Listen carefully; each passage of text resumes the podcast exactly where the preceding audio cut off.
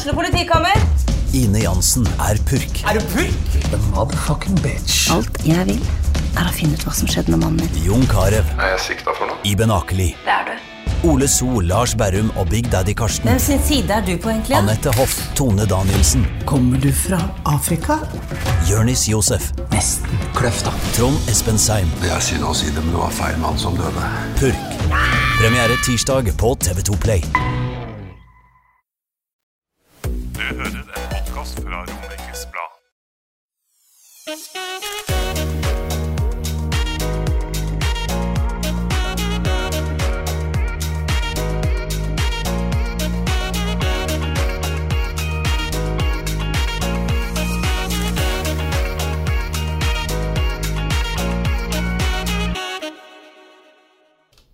Hei, Britt. Hei, Thea. Hei, hei. Har du hatt en bra påske? Ja, du, nå var det så godt å se deg igjen. Ja, og du har jo fått litt sånn glød i ansiktet, ser jeg. Ja, like måte. Ja, jeg har blitt solbrent i nakken, i hvert fall.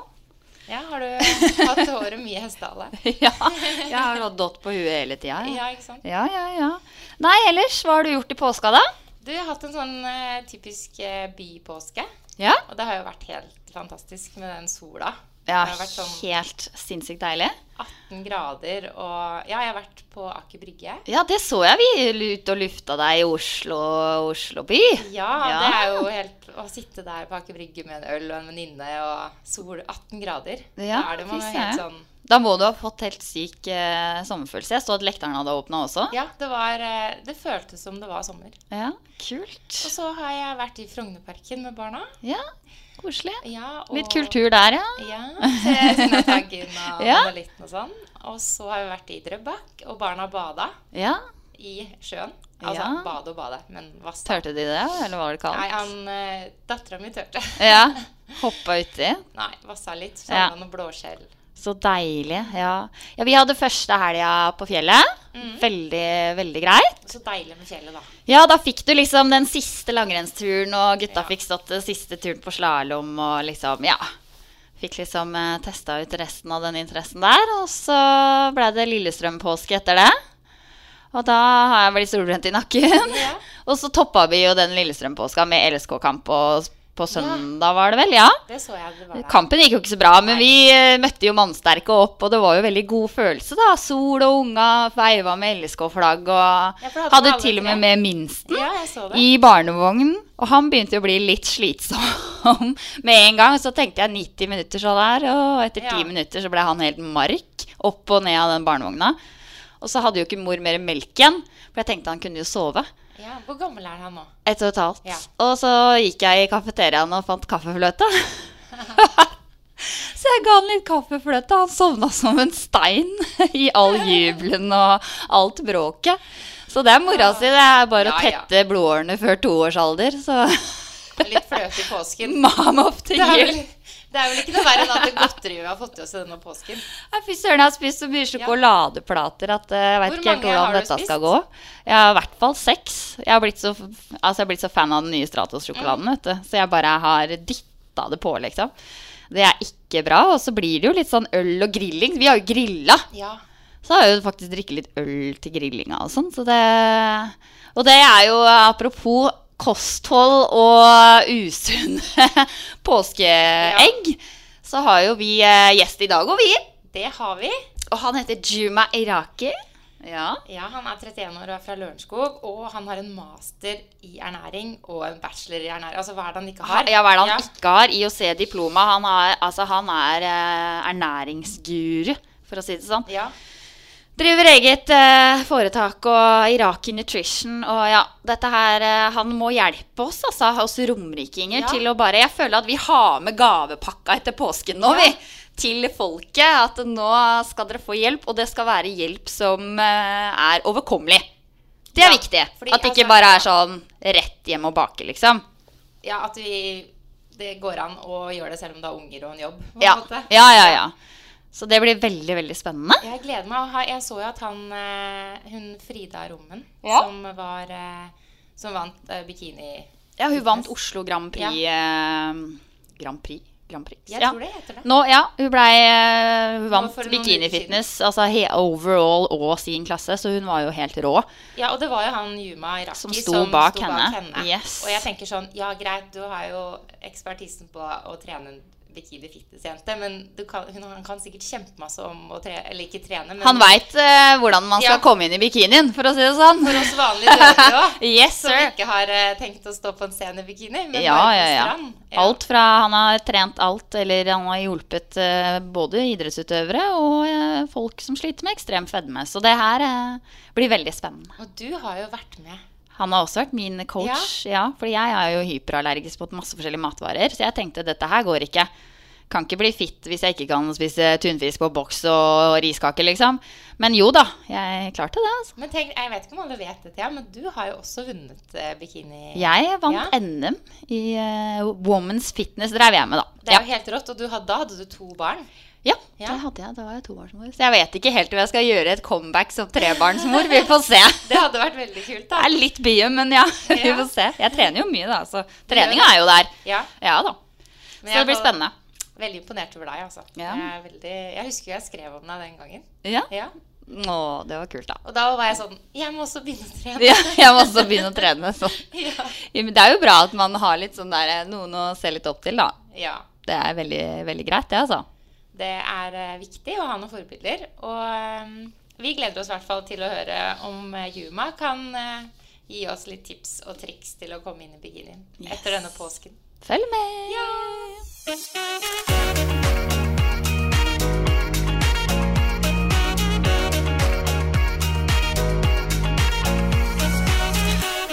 Hei, hei. Hei, Juma. Velkommen til RB-sladder. Hallo, hallo. Takk for at jeg fikk komme. Ja, takk for at du vil komme til oss. Veldig veldig hyggelig å ha deg her i studio. Takk det samme. Eh, hva har du gjort i dag? Sto du opp tidlig? Jeg sto opp fire. Nei. Jo, jeg hadde Å, han er five club. Eller han er four club. Nei, det var så innmari varmt i natt. Jeg klarte ikke. Jeg skulle egentlig stå opp fem. Jeg hadde ja. PT-time fra klokka sju på Avancia. Ja. Men jeg, jeg sto opp kvart over fire, og da var det ikke noe vits å prøve å sove noe mer. Så da var det bare å komme seg opp. Men er du en fyr som trenger lite søvn? Egentlig ikke. Nei. Jeg blir ganske grinete hvis det går to-tre dager med lite søvn. Så Mm. jeg prøver å prioritere det. Men det er jo noen dager hvor, eh, hvor man er litt tidlig på. Da. Så da og det er litt, jeg merker at det er litt verre å få kvalitetssøvn på de dagene. Fordi du blir så stressa på om du hører vekkerklokka eller glemmer det eller forsover deg eller noe sånt. Ja. Ja. Men hvem er du? Ja. Hva er folk bare Juma, hvem er Juma? Juma Juma. Juma, hvem er du? Faktaboksen, Britt. Ja, du, eh, vi introduserte deg med at du har eh, master i eh, idrettsernæring. Mhm. Og så har du PT. Ja. Ja. Og så har du denne IOC-diploma. Som du fortalte at det bare er 20 stykker i året som får. Ja, det er vel røftlig 20-30 stykker som tar det gjennom IOC i løpet av året. Jeg tror de har holdt på nå i 10-12 år, så det er ikke sånn supermange som Nei. har det på, på verdensbasis. Det er det ikke. Og to stykker på Olympiatoppen. Jeg mener det er to uh, stykker som har det der oppe, ja. Så det sier jo litt om hvor, eh, hvor Altså, du kan jo det du driver med, da. Det er desidert den mest krevende utdannelsen jeg har tatt, eh, av de tingene jeg har tatt. Eh, Mer krevende enn mastergraden min også. Men jeg lærte ufattelig mye. Eh, Og det er jo et program som er veldig opptatt av eh, hvordan du kritisk skal tenke i forhold til å innhente informasjon og oversette dette til praktiske anbefalinger basert på vitenskap. Da. Mm. Men er det innenfor, er det bare kosthold, eller er det trening også?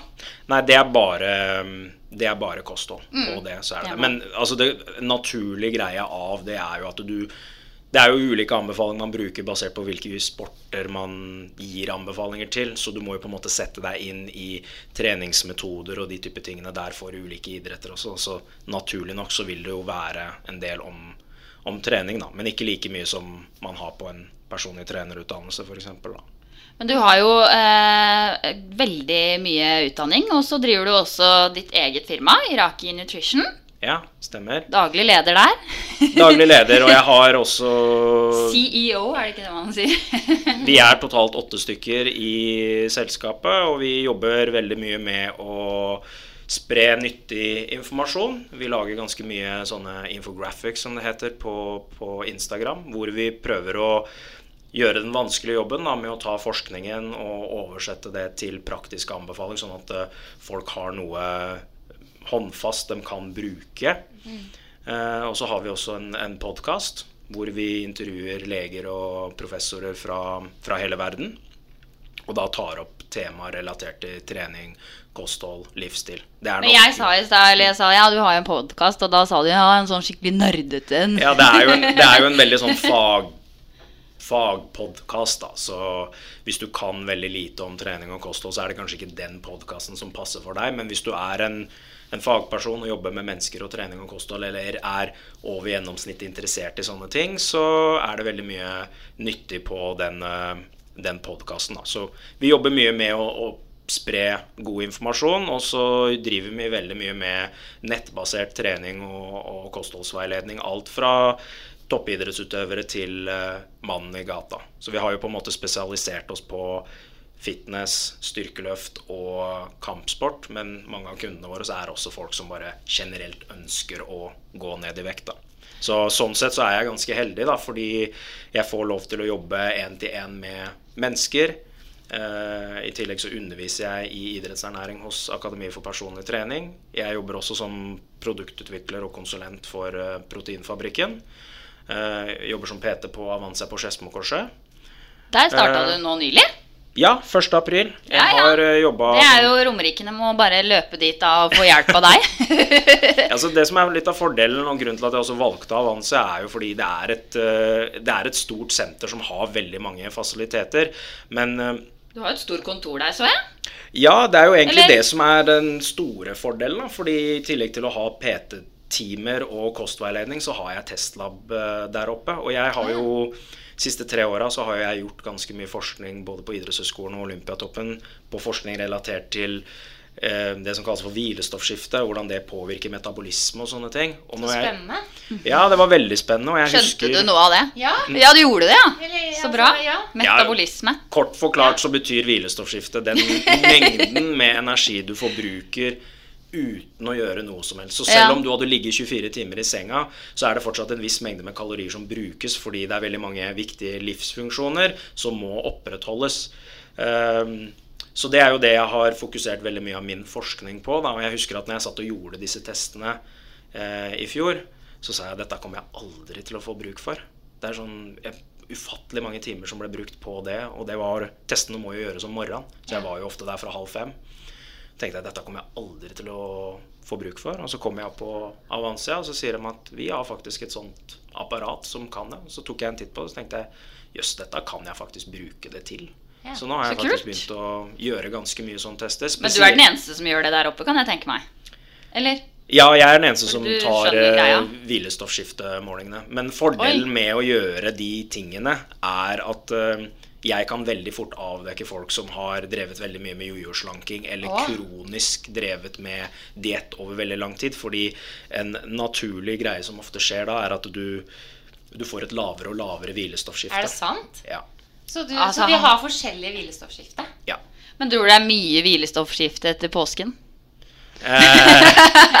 Ja, altså, jo, jo mer du Altså, Hvilestoffskiftet baserer seg jo på Det er mange faktorer som kan påvirke det, men primært så er det jo alder og masse, da. Altså hvor mye veier du, hvor stor er du? Fordi en, en som veier 200 kg kontra en som veier 100 kg, vil jo ha et høyere hvilestoffskifte, for det er mer å Ja. vedlikeholde.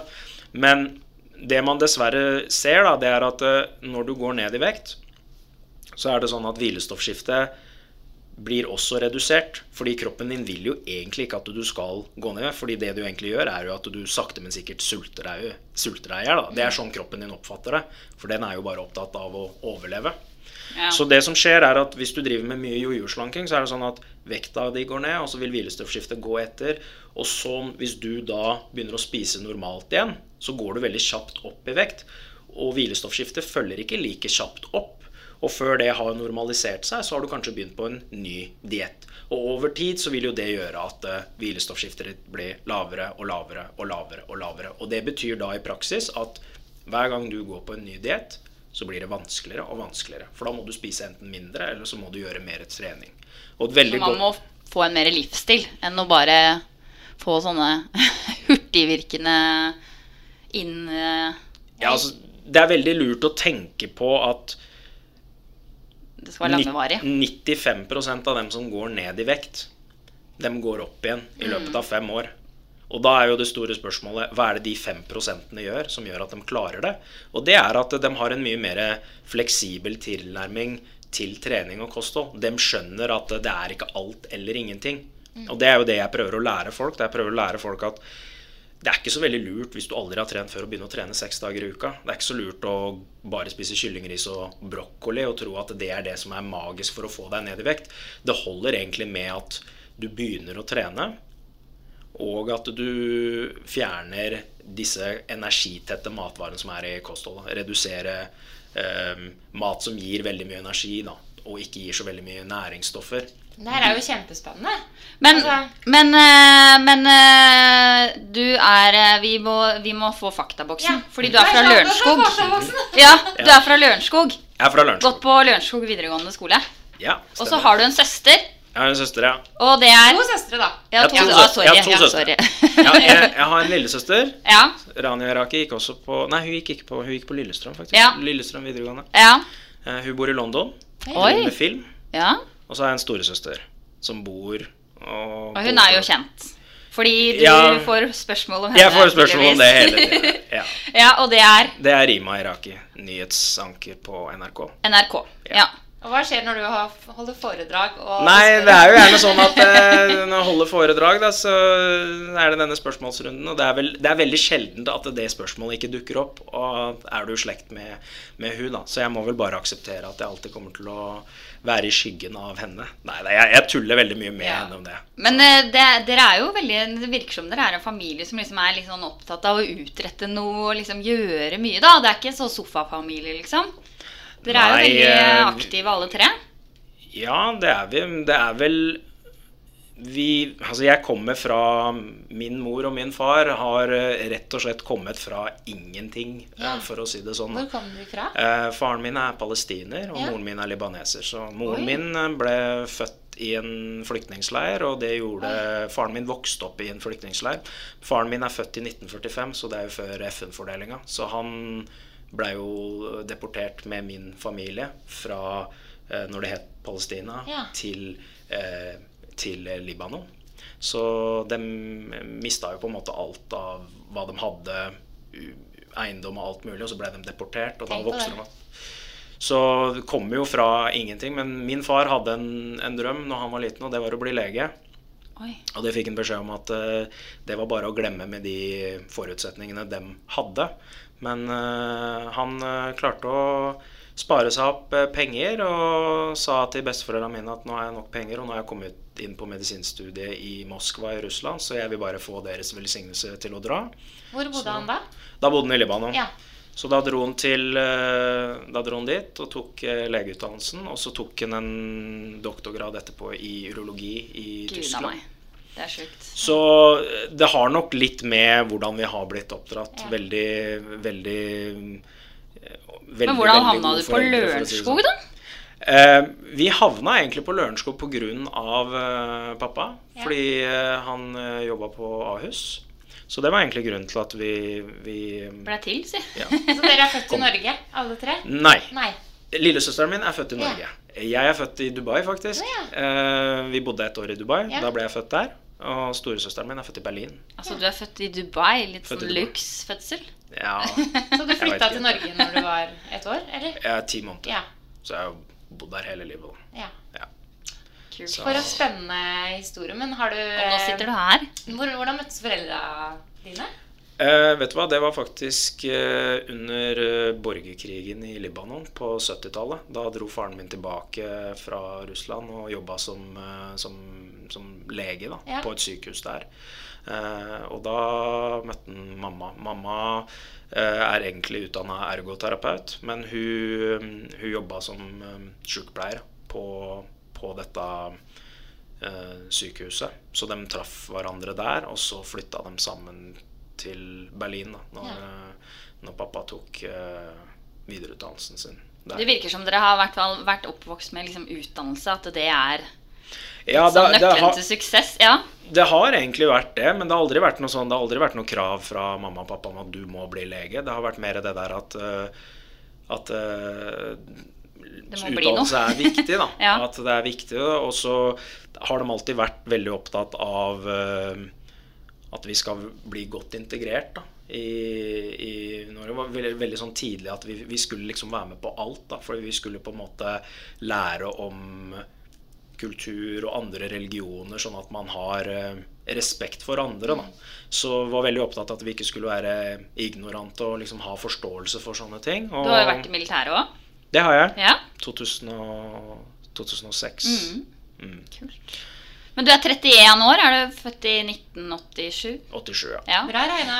Ja, men, ja, ja, jeg satt i går i to, for at jeg er 89, vet du. To eldre, ok. Men, eh, men eh, Og så har du gjort alt det her. Altså all den utdannelsen. Du har gjort så mye, og så er du bare 31 år. Hatt Du har dårlig, trent- hatt dårlig tid, da.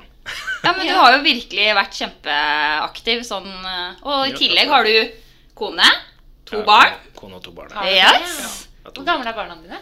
Jeg har, en, jeg har en gutt på seks som heter Mikael. Mm. Så har jeg en liten gutt på seks måneder som heter Gabriel. Og så er du fotballtrener. En fotballtrener for Det er nå. Ja da. Du gjør jo masse. Jeg har ganske tettpakka plan. Det blir veldig lite Netflix, for å si det sånn. Podkaststudio i huset, og du er jo Altså, du er på, altså. Ja. Men jeg, jeg, jeg Altså Greia med meg er at jeg må ha noe å gjøre hele tida. Ja. Ellers så føler jeg liksom ikke at jeg utreder noe. Så med en gang jeg er ferdig med et eller annet, så må det være et eller annet annet. Ja. Du er en gründersjel, på en måte, da. jeg må ha et eller annet bare for å, for å holde meg For å bli stimulert, da. Det, det, det er, og det kan nok være litt slitsomt for de folka rundt meg til tider. Fordi så fort jeg er ferdig med noe, så har jeg allerede starta med noe annet. Og så blir det litt sånn, men jeg får liksom ikke gjort noe med det. da Jeg er Nei. bare sånn som person. Ja. Mm. Shit. Veldig flink. Det er jo veldig inspirerende. Hvem er den kuleste du har hjulpet, da? Innenfor Thea, Thea Bråten Christensen. Hvem er det liksom Er det noen sånne Hva skal man si? Hva kaller du da? De du hjelper med kosthold? Hva kaller man det? Er det pasienter? Nei, det er ikke pasienter. Hva kaller man det? Noen burde kanskje vært kalt pasienter. Nei, Ja. nei, jeg kaller dem for kunder. Men hva er det mest spennende, liksom? Fordi jeg vet at du også har jobbet med folk med litt fedme og sånn. Syns du det var spennende, eller? Jeg syns, altså, jeg har ikke noen sånn preferanse for hva jeg jobber med. Jeg har jobba, på legekontor i to år. På, jeg jobba på A-klinikken på, på Lørenskog. Ja. Uh, og der jobba jeg veldig mye med diabetes, hjertekar uh, og sykelig overvektige mennesker. Uh, det jeg syns er gøy, er jo at når folk um, faktisk legger sjela si litt i det, og man utreder store resultater, det er jo det. Så det har egentlig ikke noe å si for meg om det er en konkurranse hvor man vinner gull, eller om man er en helt vanlig person som, som går ned, så lenge jeg ser at uh, det vi gjør, gir resultater, og at uh, folk får en verdi av det. da. Og det tenkte vi jo at vi skulle høre med deg om, da. Ja. Om eh, du har litt tips til altså, oss vanlige dødelige som har spist litt mye i påsken. Hvordan Ja. vi skal Litt, det er jo påskegodis. Påskegodis. Hvis du har spist liksom godis og drikke øl og vin hver dag og Hvordan skal man liksom bare åh, starte hverdagen igjen da? Kan jeg fortsette å drikke en øl, eller hvordan skal man trappe ned, eller? Ja, Hvis man har lyst til å komme litt i form til sommeren uten å trene så masse, da. Og så har det vært påske. Ja. Ja, altså det er litt tilbake til det vi, det vi snakket om. Da, at um, jeg tror veldig mange går litt i den fella at de tror at de må gjøre ekstremt mye for å få resultater. Mm. men det, det gjelder å finne en sånn middelvei hvor man rett og slett klarer å opprettholde det man gjør. Da, for det er det som kommer til å gi deg de varige resultatene. Og da gjelder det å ikke gjøre for mye. Det er kanskje dumt å gå fra å ikke trene i det hele tatt til å begynne å trene hver eneste dag. Da er det bedre å finne noe du faktisk klarer å opprettholde. For det hjelper veldig lite at du trener hver dag i fire uker, og så er du av igjen. Ja. Så jeg tror veldig mange faller litt i den fella at eh, ting blir veldig svart-hvitt. Enten så skal man trene hver eneste dag, eller så trener man ingenting. Istedenfor å tenke at eh, noe er bedre enn ikke noe. Så hvis man Sånn generell anbefaling jeg pleier å gi til folk, det er tren styrke tre dager i uka. Og, og, ha Altså, du må ha du må ha fokus på at det, over tid så må ting bli bedre og bedre. Det er det folk gjør veldig feil på treningssenteret. at For de går det og gjør akkurat det samme. Trener de samme øvelsene, samme repetisjonene, samme belastning. så gir du egentlig ikke noe Du gir jo ikke kroppen din noen grunn til å endre seg. Så det du må gjøre, det er at du må ha en eller annen form for progresjon i treninga di. Du må enten ta flere repetisjoner, eller belastninga må øke over tid. For det er det som på en måte vil stimulere til muskelvekst og hjelpe deg å forme kroppen. da. Og så tror jeg det er bedre altså jeg tror det er bedre å bruke den tida på, på styrketrening. Og så tror jeg man bør passe litt på hverdagsaktivitetene, altså hvor aktiv man er i løpet av dagen.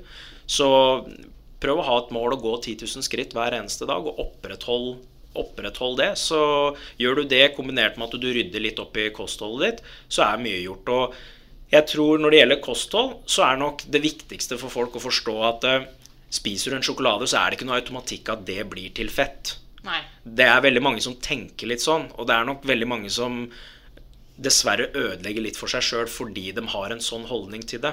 F.eks. en ting jeg opplever med veldig mange, er at de sliter med helga, eh, men hverdagen går fint. Eh, Men det spørs jo litt hvordan helga di er. Mm. Og et sånt veldig typisk scenario, det er jo Man spiser bra mandag til fredag. Og så kommer man på fredagen, og så, er det, så har Thea tatt med seg kake, f.eks. Og så tar du dette kakestykket og vin. ja. Så tar du dette kakestykket, og da, da er det veldig fort gjort for mange å tenke at eh, nå sprakk jeg på dietten min. Nå er alt ødelagt. Nå er det fredag, og det er helg nå, så nå kan jeg like godt bare spise masse, masse, masse og få det ut av Begynne på nytt systemet. på mandag. Og begynne på nytt på mandag. Men så gjør du det, så gjør du det samme hver eneste uke, Mm. istedenfor å tenke at ok, du spiste dette kakestykket, det var kanskje 300-400 kalorier.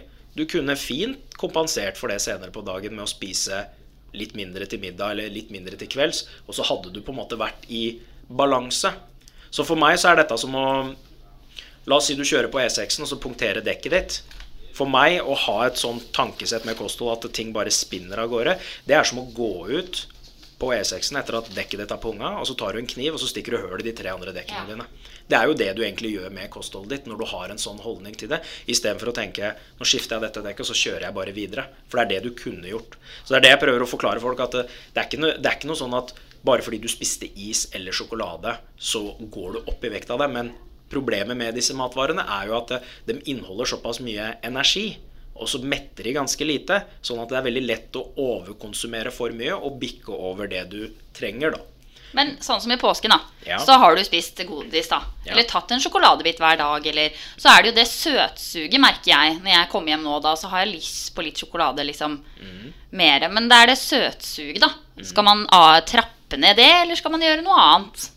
Ofte så opplever man at man har et økt eh, søtsug hvis man har spist veldig mye av disse tingene. Men det er gjerne noe som pleier å avta eh, etter et par dager for de fleste. Det kan variere selvfølgelig hvor lenge det varer, men eh, når man er tilbake, så vil man merke det. Men det som er med spesielt sjokolade og is og disse matvarene, er at veldig mange tror at vi er avhengige av sukker.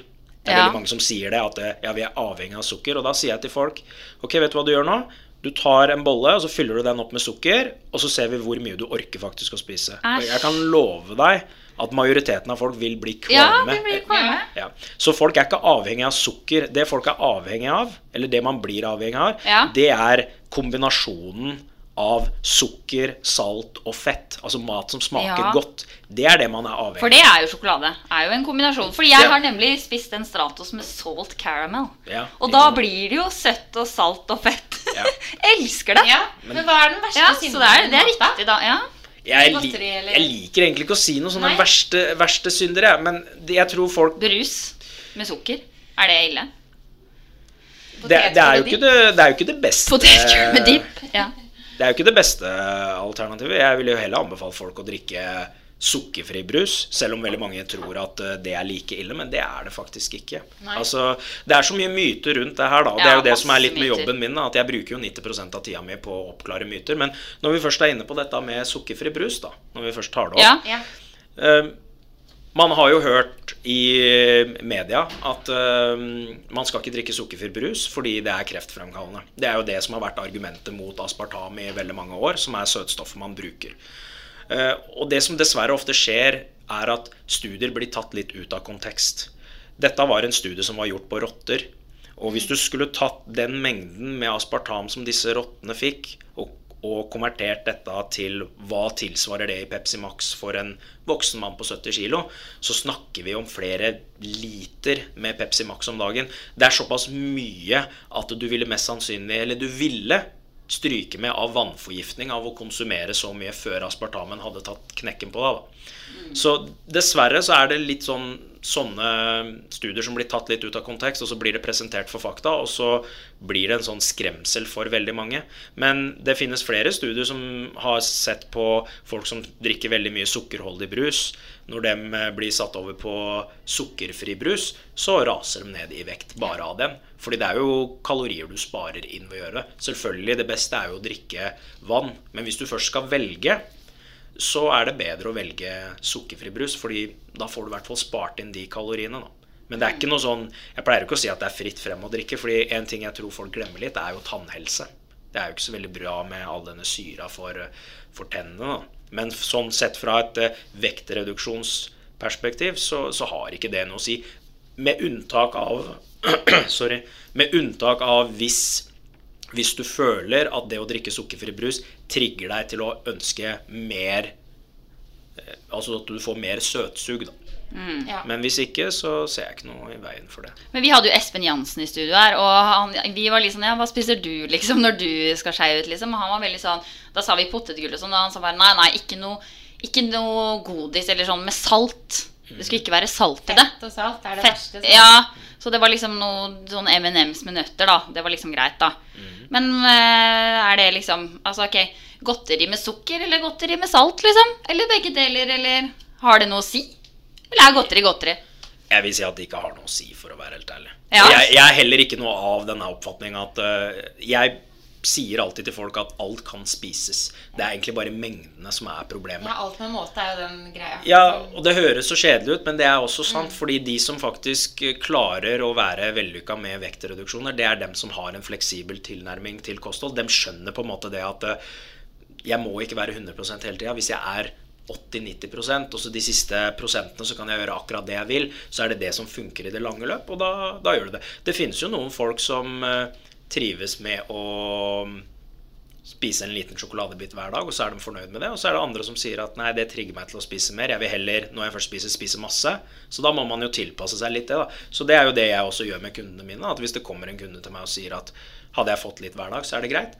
Da gjør jeg det. Jeg tar bare. Ja. Jeg, det jeg gjør, er jo at jeg gjør en kalkulasjon, en beregning på hvor mye kalorier trenger denne personen for å gå ned i vekt.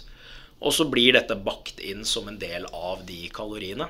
Men hvis jeg har en kunde som sier jeg skeier ut veldig mye i helgene, da finner jeg en løsning på det. Og løsninga på det er jo da å Vi finner ut gjennomsnittlig hvor mye må du ligge på hver eneste dag for å gå ned i vekt. Og så tar vi og gir deg litt mindre mat mandag til fredag. Så sparer vi opp noen av disse kaloriene, så får du et større budsjett lørdag og søndag. Ja, så Det er fint for deg, da, Britt. Telle kalorier, på en måte. Hva da? Det er jo fint for deg. Ikke noe vin i uka og masse i helga? Ja, eller må trekke fra den vinen hver dag. Ja. Ja. Ja, men jeg drikker ikke vin hver dag lenger. Altså. Men hvordan er alkohol, liksom? Eller er det ikke noe, har du noe specialties på alkohol, Nå er jeg Juma? Jeg veit ikke, om- om Britt har lyst til å høre det her, men, men Jeg vet ikke om Britt har lyst til å høre. jeg skal, jeg skal ikke si at eh, Jeg skal ikke si at eh, Det kommer jo selvfølgelig an på hvor mye du drikker, men når du konsumerer alkohol, så prioriterer kroppen din bare å forbrenne alkohol og stopper å forbrenne alt annet. Og det har dessverre en negativ effekt både når det gjelder hormoner og eh, muskelvekst og eh, vektreduksjon. Men igjen, da, det kommer litt an på mengden du Men det er ett glass vin om dagen, da. Ja. Eller det var en periode men Hvor stort- vi må hvor stort er fortelle han det, da. Ja, hvor stort er glasset? Han begynner sånn. Er det 150 milliliter? Eller? Jeg var gjennom en samlivsbrudd i høst, og da ble det litt mye rødvin i vinter. Så det er egentlig derfor vi snakker om det nå. Ja. Men det er noe vi har snakka om tidligere i podkasten. Ja. Så eh, det er ikke vin hver dag lenger. Men eh, ja, nei, det var jo kjipt det, da. At det er så dårlig å drikke. Men igjen, da, det, det, Ja. kommer jo, kom jo an på mengdene. Men uh, ofte så er jo det en av disse um, fallgruvene for folk som ønsker å få en livsstilsendring. At eh, det blir litt for mye alkohol eh, konsumert. Da så tenker man ikke så veldig mye på det. Men eh, det er så fort gjort å få i seg ganske mye kalorier i tillegg til den negative effekten alkoholen har på kroppen. Og så medfølger det gjerne at man spiser energitett mat i tillegg. Da. Så summen av det er jo det som er problemet. Mm. Men det er så mye sånne ting folk kanskje ikke tenker så veldig mye på. Um, Men folk skal jo gjerne ut i sola og er sånn pilsen i sola, liksom. ja. Det, også. Ja. Og jeg prøver Altså, man skal selvfølgelig kunne ha det på den måten, men det handler om balanse. Ja. Ikke sant? Det handler om hvordan man legger opp ting. Um, men jeg tror, det, det, det jeg tror folk hadde hatt mest uh, nytte av, det er jo på en måte denne bevisstgjøringa, få mer kunnskap. Jeg hører altfor mange Ja. om ting som folk gjør som de egentlig tenker at dette er fornuftig, men egentlig så er det ikke så fornuftig. Og et eksempel på det, da. For dette er veldig sånn typiske fallgruver som folk går i. Folk slutter f.eks. å spise potetgull, og så begynner de å spise nøtter. Det er jo egentlig ganske bra, fordi nøtter inneholder mer vitaminer, mineraler, kostfiber osv. enn det potetgullen gjør. Men det folk glemmer, er at eh, i nøttene så har du ofte mer kalorier. Og fordi folk tenker at dette er sunt, så spiser de mer av det. Så du ender Du faktisk kommer opp med å spise alltid med sånn skål med nøtter her, eller du er veldig glad i den der, eller RB generelt er veldig glad i den nøtteskåla. Vi har sånn skål på fredager. Svær skål, ja, på fredager. Ja. Men da må man ikke ta så mye, da. Ja, igjen, det er mengdene. Samme er det også hvis, du, hvis målet ditt er å gå ned i vekt, så er det jo veldig mange som begynner å spise salater. Og det er jo bra, det, fordi det er jo energifattig i seg sjøl. Men det man har en tendens til å gjøre, er jo å begynne å putte eh, Sånn som avokado. da. Avokado er kjempesunt og kjempebra. Det inneholder masse næringsstoffer. Men igjen, avokado inneholder også masse kalorier. Så det kommer litt an på hvor mye du bruker. Bruker du en hel avokado, så kan jo salaten din være plutselig oppi i 500-600 kalorier. Og det er jo akkurat det samme som du får i deg hvis du spiser en Big Mac. Så folk, folk må forstå forskjellen mellom at dette er sunt, og hva som må til for å gå ned i vekt. Fordi det er ikke sånn at bare fordi du spiser sunt, som fører det til at du går ned i vekt. Og det er det veldig mange som tror, da. For jeg hører gang på gang folk si til meg Jeg skjønner ikke hvorfor jeg ikke går ned i vekt, for jeg spiser så sunt. Men det hjelper ikke å spise sunt hvis du fortsatt spiser mer enn det kroppen din forbrenner. Ja. Da har det ikke noe å si. Det er jo det folk glemmer litt, da. Det er kunnskapen, da. Og det er jo litt sånn hvor kunnskapen kommer fra. Og i dag så kommer jo mye av kunnskapen, da, i anførselstegn, eh, fra influensere. Gjør som meg, tren som meg, se sånn her ut. Eh, du, hva, hvordan stiller du deg til det? Blir du litt irritert noen ganger? Fordi at det, hvor, er, hvor, hvor eh, god er den kunnskapen fra disse influenserne, og hvordan man ser ut og ja. Jeg fikk faktisk, jeg må bare si det før Ja. vi sier det, fordi jeg fikk faktisk en melding i går på Instagram som bare gjorde meg så sykt glad, for jeg har og tatt bilder av den grillmaten og sånn. Og da var det ei som skrev, vet du hva, jeg syns det er så deilig å se at du spiser liksom poteter, og du spiser eh, grillmat med saus på. Det er så deilig å se at eh, du har et sånt forhold. For at det er jo litt sånn når man er, hva skal man si, litt sånn har flere enn 1000 følgere på Instagram, så følger jo folk med. Og hvis de ser noe fint, så vil de gjerne se sånn ut. Eller, og da er det kult å få den tilbakemeldingen at det er så kult å se at du er normal, du òg, liksom. Jeg spiser saus. jeg spiser saus. Ja. Men ja, hvordan, hvordan ser du på det? Det er jo ganske stor forskjell på influensere. Det er jo noen som gjør en ganske god jobb, syns jeg, da. Eh, Ja. Men, men jeg tror det viktigste for dem er jo også å kanskje forstå sine begrensninger og ikke tråkke i områder som man kanskje ikke har noe kompetanse på. I hvert fall ikke når det gjelder menneskers helse. Da. Jeg har jo gang på gang opplevd å ha øh, jenter som har stilt i bikinifitness av andre som har en totalt ødelagt metabolisme, ja. menstruasjonssykler som er borte, og mye hormon hormonelle eh, issues. da. Er det sant? Det er jo skikkelig trist. Ja, fordi Ja, det det, har mye å si. Det er jo fordi at YouTube har jo hjulpet meg, det sa vi jo i introen. Og bare sånn Går det på p-piller, hvordan hormoner sa, Det har mye å si, det også. Har du menstruasjonen din Du fulgte jo opp det hele tiden fra uke til uke, ikke sant? For at man skal jo ikke liksom Man skal jo ha, selv om man skal stille i bikinifitness, så skal jo kroppen følge med. Og Liksom. det føler jeg er veldig viktig, og det du sa jo litt i stad, det er med at vi er forskjellige. Du kan ikke ha ett program til alle. Nei, På en måte. det, det kan du ikke. Og Nei. du kan ikke bare basere det på at uh, Du kan ikke bare si at å ja, dere veier ca. omtrent mye, da bruker vi samme. Fordi det er så mye mer enn det du må ha informasjon om. Da. Det aller viktigste når det gjelder de tingene her, det er de som ofte opplever størst problemer. Det er jo de som avviker mest fra hvordan de egentlig er programmert. Da. Og det jeg mener med det, er at hvis du hele livet ditt har vært veldig slank, så vil du mest sannsynlig ikke oppleve noen konsekvenser av å bli den fettprosenten da, som du må for å stille i en sånn bikini-fitness-konkurranse.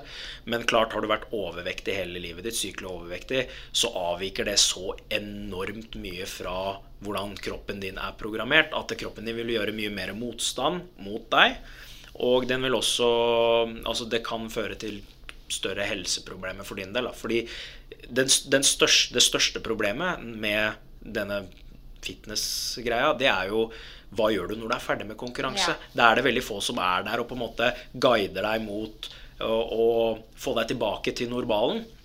Og dette er jo områder jeg har vært interessert i. og øhm, Jeg har bl.a. En, en, en stor studie nå som jeg håper blir publisert i løpet av året, på akkurat eh, det her, hvor, hvor man ser på hva er det som er fornuftig å gjøre utenfor sesong for de som stiller i fitness. For det har vært veldig mye fokus på hva gjør du inn mot konkurranse, men hva gjør du resten av året? For det er jo like viktig. Hvordan kan du på en måte legge på deg kvalitetsmuskelmasse? Og hvordan kan du unngå at du legger på deg for mye fett? Jeg har jo hørt mange får nesten depresjoner et, i etterkant fordi de sliter så fælt med å legge på seg igjen. Men der er jo utgangspunktet Sånn som jeg har jo alltid hatt en aktiv, aktiv livsstil og aldri liksom veid veldig mye. Eh, men så der er det jo utgangspunktet som teller. Jeg tenker at Hvis du da var ganske stor og stilte i bikinifitness, så er jo da veien etterpå mye viktigere enn om du på en måte alltid har vært litt i form. Og da skjønner du litt mer hva du går tilbake til, for da går du ikke tilbake til noe som var så hva skal man si, ille.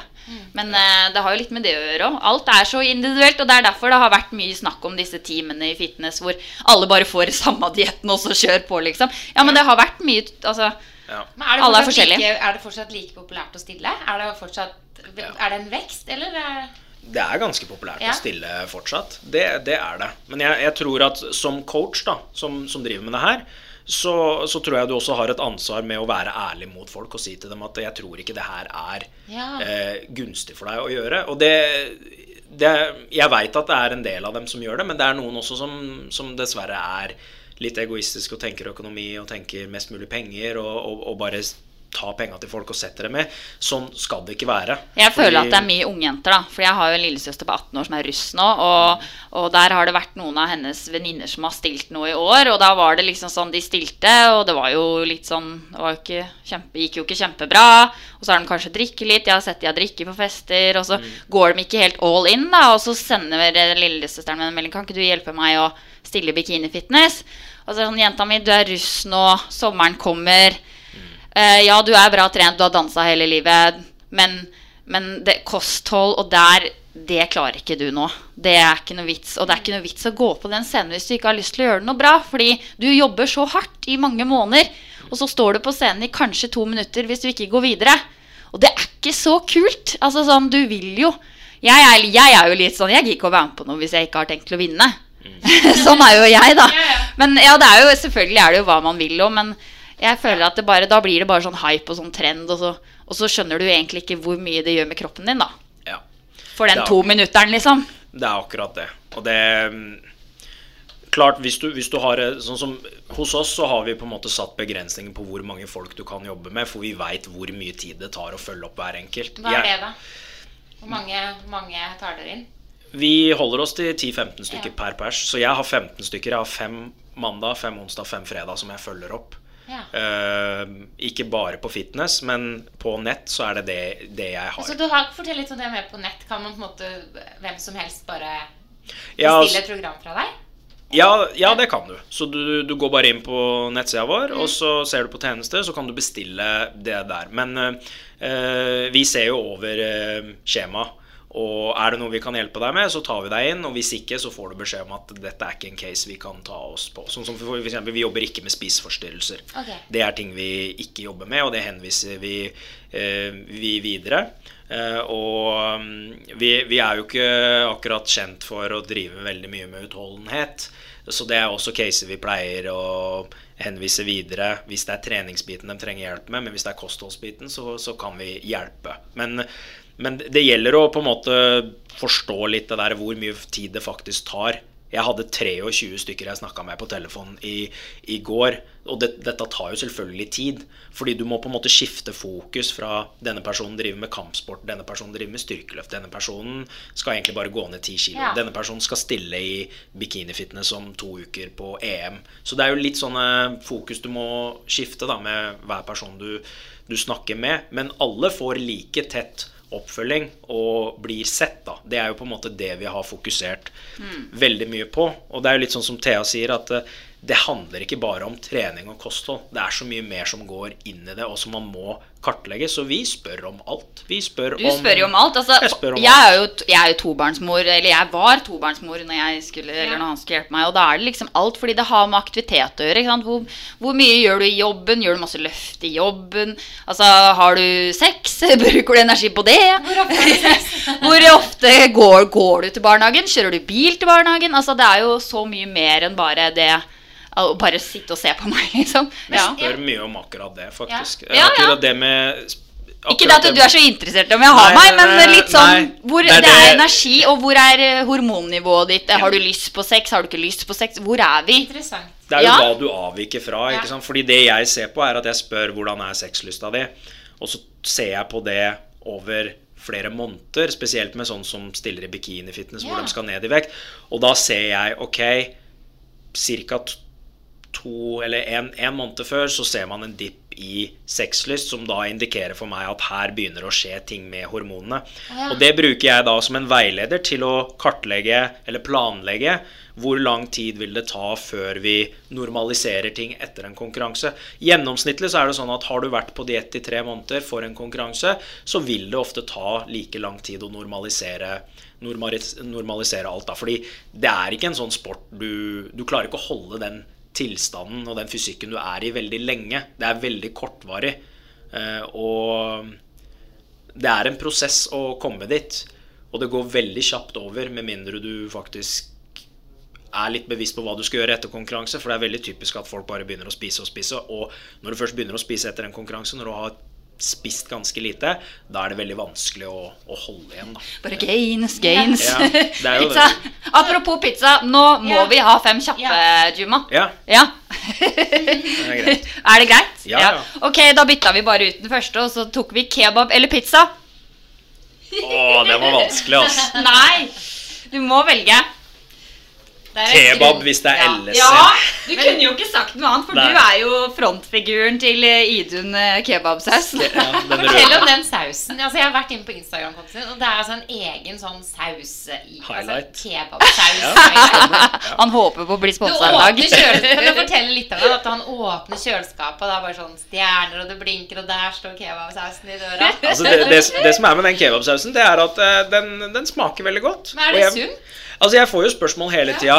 Hvordan kan du som kostholdsekspert gå rundt og spise en kebab? Men her er greia. Vi er tilbake, vi er tilbake til dette med mengder jeg bruker. Hvis du ser på den kebab, den røde, ikke den hvite, for den er det mer kalorier i, men den røde det er røftlig 80 kalorier per 100 gram i den. Hvor mye bruker jeg? Jeg bruker 20 gram. Ja. Så vi snakker om 16 kalorier med saus som jeg bruker på et måltid som gjør at det er lettere for meg å konsumere dette måltidet. Det er liksom ikke noe sånn det er ikke noe deal-breaker, for å si det sånn. da. Det er ikke noe veldig stort utslag. Det hadde vært verre hvis jeg eksempel hadde brukt bearnéssaus. Ja. Fordi da snakker du plutselig flere hundre kalorier med ganske små mengder. da. Men apropos saus, du spurte jo det, var jo i dietten, så sa du er du glad i saus, liksom. Ja, jeg er jo glad i å liksom ha noe ved siden av. Og da ga du meg den derre, eller da fikk jeg lov til å eh, lage den eh, laktosefri brun sausen, er det det? Ja, stemmer. Toro laktosefri brun Ja. saus. Stemmer det? Så lite grann av den Mm. på maten, det var helt greit, for den var det så lite i da. Ja. Det er ganske mange sauser. Ja, ja. Det må Ketchup ikke være er Ketchup er greit. Ja. Ja, ja. Ungene mine spiser ketsjup. Okay. Det er veldig stor forskjell på sauser også. Ja. Altså Hamburgerdressing, hvis du ser på Idun sin kontra salatmesteren sin. Altså Salatmesteren sin har tre ganger så mye kalorier kontra Idun sin. da Mm. Så det er den derre bevisstgjøringa på sånne ting òg, fordi mengden blir jo akkurat det samme. Du Smaken trenger kan jo ikke ta halve flaska. Nei, nei, nei, liksom. absolutt ikke. Men eh, ok, i byen eller på fjellet? Jeg husker ikke. På Husker fjellet. ikke. Ja, er det på, ja? Er det, liker du deg best på fjellet? Jeg er ganske lei byen. På Rælingen der? Ja. Nei da. Jeg har bare jobb- jeg jobba som dørvakt i fem år mens jeg gikk på skolen. Hvor da? Eh, hvor var det jeg ikke jobba? Ja. Ja, dørvakter er jo Jeg jobba vel egentlig overalt i Oslo sentrum. Men stort sett på Jeg jobba stort sett på øh, mye brune puber. Sånn brune puber slash utesteder, som man kalte det. da Men jeg, jeg var vaktsjef på Dr. Jekylls på Klingenberg i en del år. Og så jobba jeg på jobba på Lux, jeg jobba på Sir Winston, jobba Dubliner. Jeg jobba på mye sånne brune puber, da. Men når starta egentlig interessen for ernæring? Altså, eller sånn, Har du alltid hatt det? Uh, ja, egentlig. Jeg spilte fotball i ti år, og når jeg var sånn 16-17, så ble jeg veldig hekta på styrketrening. Og jeg forsto egentlig ganske tidlig at eh, skulle man få resultater, så var det kosthold man måtte fokusere på. da. Så jeg satt allerede når jeg var 16-17 år og kalkulerte frem hvor mye mat jeg trengte for å få i meg så mye proteiner, så mye karbohydrater, så mye fett. Og så var jeg i var jeg militæret og hadde egentlig tenkt å starte på økonomi og administrasjon på Høgskolen i Oslo. Og jeg begynte faktisk der òg. Og så var det sånn tre måneder inn i studiet så tenkte jeg det her har jeg virkelig ikke lyst til å drive med. Altså Jeg er glad i business, men jeg har ikke lyst til å ta denne utdannelsen. Så tilfeldigvis så møtte jeg en, en barndomsvenninne av meg som jeg har kjent i alle år. Og hun hadde starta på ernæringsstudiet i Oslo. Så ble jeg sånn Det skal jeg begynne på.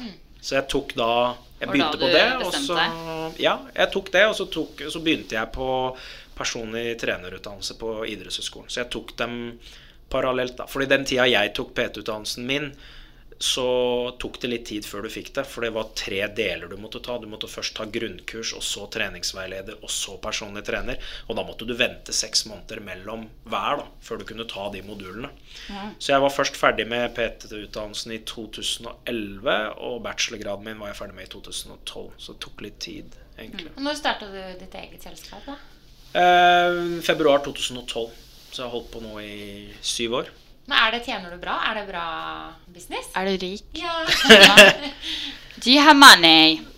Spørs hvordan du definerer det. men Altså, jeg lever- Jeg har råd til kebabsaus, Ja. så da er jeg fornøyd. Så, så, Nei, du har det bra, du. Ja da. Ja, Forsørger hjemme og.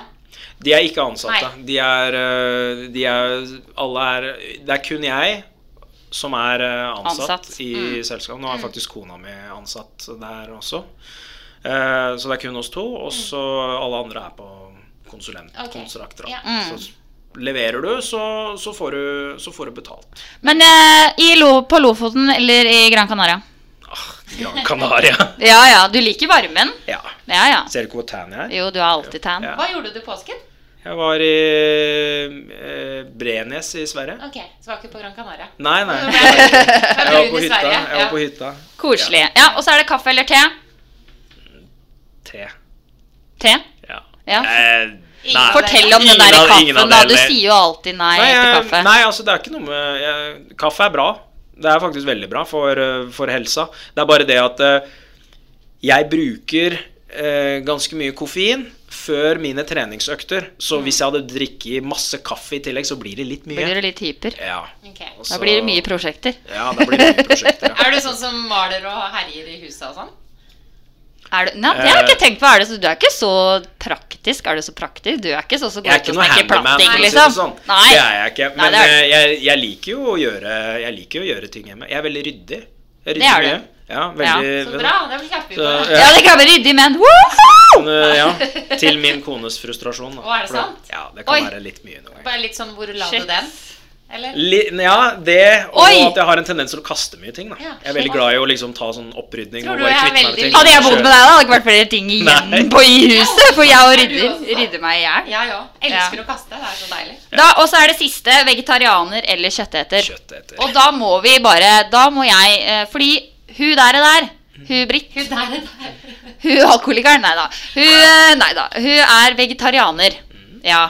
Og da er det sånn at uh, har hun fortsatt mulighet til å liksom bli fit and fab uh, selv om hun er vegetarianer? Jeg er det. Nei da.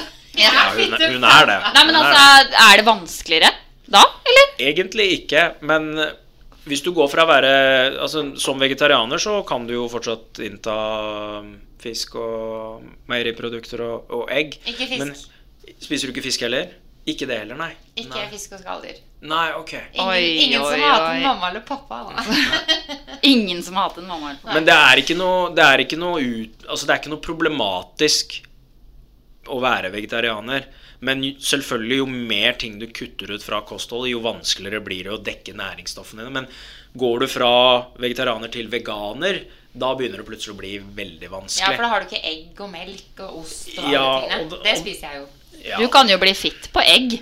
Kan spise egg, ja. Ja, Og- men det har ikke noe med fitt å gjøre. Du kan bli fitt med å være veganer også, men det er bare det at eh, Dessverre så er det sånn at eh, planter har ofte ting i seg som gjør at opptaket av de næringsstoffene vi ønsker, blir blokkert. Så de må på en måte behandles på en måte som gjør at næringsstofftaket blir bedre. Da. Så det å varmebehandle dem gjør at syra blir borte, og at det blir eh, enklere å ta opp næringsstoffene. Dette er ikke sånne ting du trenger å tenke på med animalske produkter. Så eksempelvis spiser du biff, så er det jernet som er i biff av veldig høy kvalitet. Så det klarer kroppen å gjenkjenne veldig fort, og så blir det tatt opp veldig fort. Men fra spinat f.eks. så er det ikke så lurt å spise rå spinat. fordi hvis du er ute etter å få i deg jern fra det, så må det varmebehandles. Så det er mye Så det er det beste ting man må tenke tipset du kan gi til Britt, egentlig? At du bare varmebehandler maten? Ja, eller Ja, spinat og og f.eks. lære deg dette med kombinasjoner av ting som kan hjelpe. Da. Sånn som når du spiser kornprodukter, sørg for å ha en kilde med C-vitamin, sånn at eh, absorpsjonen av jern blir optimal. Da. Det er ikke sånne ting du trenger å tenke på med en biff, men det må du tenke på når det gjelder jern som kommer fra, fra planter. Da. Eh, Men Det er jo veldig interessant, da. Men det er jo sånn man har lært man, hvis man har hatt eh, lite jern periode. Det har jo sikkert veldig mange jenter vært gjennom en gang i livet. Ja. Ja. Da skal du alltid drikke appelsinjuice til, f.eks.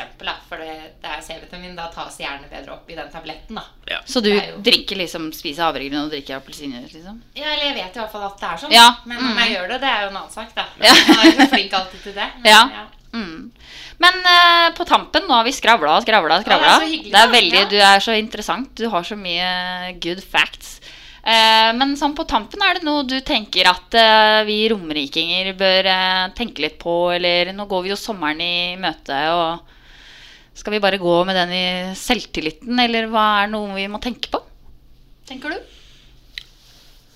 Tenker du sånn trening Ja, litt sånn hvordan få en god sommer i kostholdsveien. Jeg, jeg tenker at uh, selv om det er sommer, så kan det være lurt å tenke på at uh, man skal selvfølgelig få lov til å kose seg. Det, det skal man.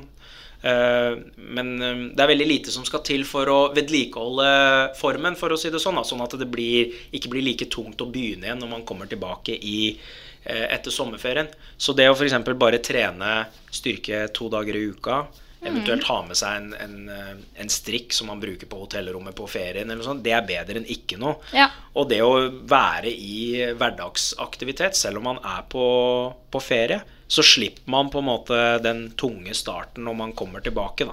Så igjen så er vi tilbake til dette med å ikke være så veldig av og på eller svart-hvit, og Ja. prøve liksom å vedlikeholde ting. da. Og så bli med, liksom. Bare bli med på det som skjer, tenker jeg, istedenfor å sitte på benken med telefonen mens unga er på, på lekestativet. Bare bli med litt, liksom. Kanskje. Ja, Da får du fylt opp den uh, med. skrittkvota di. Ja, så får du sol noe annet sted i nakken og Ja, helt riktig. Men jeg lurer på Ja. da hva du gjør når du skal liksom skeie ut. Jeg? Ja. Vil du vite Ikke det? si kebabsaus, det er ikke godkjent nå. Det må være noe annet enn det. Men er du alltid Du Nei, er jo ikke svart-hvitt, så du nei, nei, nei. er jo Jeg er ikke det i det hele tatt. Når du Jeg kan spise en Altså, jeg kan uh, Jeg er jo sånn som loggfører alt, da. Gjør jeg, du det? Ja, ja. Han er jo litt sånn nei. Jeg, jeg, jeg har, jeg har apper på telefonen min, så jeg veit akkurat hvor mye proteiner, karbohydrater og fett jeg har spist hver eneste dag. Jeg veit hvor mye jeg har veid hver eneste dag de siste Jeg tror jeg har gjort det hver dag i fire år nå. Det er, det er litt av jobben hans, da. kult. Men, men det er fordi Altså, jeg, jeg liker å I og med at jeg er litt sånn forsker, så liker jeg å analysere ting. Og jeg gjør jo det med disse folka jeg jobber med, og det er ganske mye tall jeg har på dem. Men jeg gjør jeg, Det må ikke være lørdag for meg for at jeg ta meg noe Så når du skeier ut, da har du ikke målt deg sjøl en dag, liksom? Eller? Nei, det er ikke noe sånt i det du hele tatt. Men, men jeg, har, altså, jeg har et budsjett jeg forholder meg til hver eneste dag. Hva er det på, da? Hvor mye skal Det varierer litt uh, avhengig om jeg har en treningsdag eller en ikke-treningsdag. Men uh, på en treningsdag så ligger jeg på en 3000 kalorier ca. En treningsfri dag så ligger jeg på 2500. Men da er det sånn at 2750 kalorier som jeg spiser i løpet av dagen, det er stort sett bare råvarer, for det er det meste går i. Men så har jeg de 250 kaloriene. De kan jeg bruke på en Snickersbar, f.eks. Det er sånne ting det går i. Det er sånn du skeier ut. Ja, men jeg, jeg har jo helger hvor jeg virkelig du Ja, ja. Men jeg må, jeg må bare si sånn på tampen, fordi eh, i forhold til det å gå på kalorier og sånn Jeg fikk helt sjokk, egentlig, når du satte opp den matplanen min. Fordi jeg har aldri Altså, som når jeg var på diett, jeg har aldri spist så mye mat i hele mitt liv. Altså, jeg var helt sliten i kjeven av å spise så mye mat. Jeg måtte dele opp middagen min. Det var så mye mat. Eh, så tydeligvis så hadde Juma regna på at jeg brukte veldig mye energi i løpet av en dag. Så jeg måtte bare ha mer påfyll. Folk spiser generelt veldig lite. Altfor lite. Ja, Men det merka jeg jo med kroppen òg, at når den fikk mer mat, så måtte den jo jobbe mer òg, Mm. Så da skjedde det reaksjoner. Går opp. Ja, det skjedde reaksjoner, og det merka man jo. Så jeg er veldig sånn der folk som bare Nå jeg må ikke spise så mye', og sånn. Jo, fy fader. For meg var i hvert fall nøkkelen at jeg bare måtte s- i det hele tatt spise mer mat, liksom. Ikke bare tro at eh, fire nøtter, og så var det lunsjen, liksom. Ja. Ja. Ja. Nei, generelt så spiser Spis folk mat. for, for, for, for lite. For lite. Og da, når vi sier lite, så trenger det ikke å være lite. Det er Ikke en pose Altså Det er ikke kalorier, men det er mer volum. Mm. Mer sant? ris, mer kjøtt. Altså liksom bare mer av, mer får, av det. du får mer mat sånn sett, da. Mm. Uh, hvis du er litt sånn bevisst. Men, men uh, stort sett så spiser jo jeg Altså Jeg har to måltider i løpet av dagen, og jeg spiser enten kylling, biff og fisk. Men spiser du kebab i helga og skeier ut? Ja, jeg gjør det, altså. Siden du valgte kebab i stad. Men det, det jeg gjør, da må, Bare sånn at det, Når jeg skeier ut, det jeg pleier å gjøre, det er jo at eh, fortsatt så er jeg innafor de kaloriene jeg skal ha, men det jeg pleier å gjøre da, det er jo at eh, jeg har en tendens til å bare spise proteinene mine på morgenen og de første timene, sånn at jeg sparer opp karbohydrater og fettene. Og da har jeg plutselig et mye større budsjett på kvelden, og så skeier jeg ut. Og det kan være det kan være pizza, det kan være kebab, det kan være is, det kan være Ja, for Men du har jo barn, alltid- så ja, ja, ja, det kommer jo fram. Men det jeg alltid pleier å gjøre før jeg eh, skeier ut sånn, det er at jeg går og trener. Ja. trening. Bare for å ha noe sånn Hvis du trener eh, på forhånd, så vil mer av disse kaloriene bli dratt mot restitusjon og muskelvekst. Da. Så Mm. du, du sender på en måte signal om hvor kroppen din skal sende disse, kontra hvis du bare gir. Så jeg passer på en måte på at jeg er fortsatt aktiv den dagen, og at jeg trener, men eh, jeg har ikke noe sånn Så der... spis den kaka på fredagen, og vær aktiv Ja. når du kommer hjem. Ja, helt riktig. Ha, har vi Spis mer og riktigere. Eller altså, Ja. mer bedre sammensatt. Og renere mat, kanskje? Eller syns du vi spiser for mye posesuppe og for mye E-stoffer? Nei. Det er egentlig ikke noe Du vet, Dette med E-stoffer og det, det er jo litt sånn misforstått fordi folk tror det er noe farlig. Men grunnen til at vi har E-nummeret på ting, det er fordi det skal være universalt i hele verden for hva dette tilsetningsstoffene er. Så det er mange av disse tilsetningsstoffene hvor det står E et eller annet nummer som kan være rødbetjuice f.eks., eller et eller annet sånt som er helt ufarlig. Men man blir veldig fort skremt når man ser E det, så tenker man at åh, det her er jo kjempefarlig. Men det er for at vi skal ha et universalt system, da, at E110 i Norge er også E110 i Han kan resten for av mye. Jeg, liksom, han kan E-en bakpå seg. Ja, det Jeg, jeg blir helt imponert, jeg. Men du, eh, vi har skravla og skravla, og vi har vært kjempetakknemlige for at du kom hit i dag. Du har lært mange nye ting. tusen, tusen takk for at du kom, Juma. Mm. Vi heier på deg, og så kan folket bare sende deg melding. Bare å sende meg melding på Instagram eller Facebook. Så får Hva du heter Instagrammen din, da? Eh, Juma Iraki. Og så har dere den Iraki Nutrition, har faktisk 23 000 Ja, følgere. stemmer. Og der er det jo mer visuelt Ja. Eh, lagd hva man kan spise og sette sammen i forskjellige måltider. Så den kan man gå inn og se på. Ja. Og så kan man også gå inn på RB-sladder. Og se litt uh, behind the scenes fra i dag. ja. Ja. Så gøy. Tusen takk for at du kom, Juma. Tusen Takk takk, for at jeg fikk komme. Ha det bra.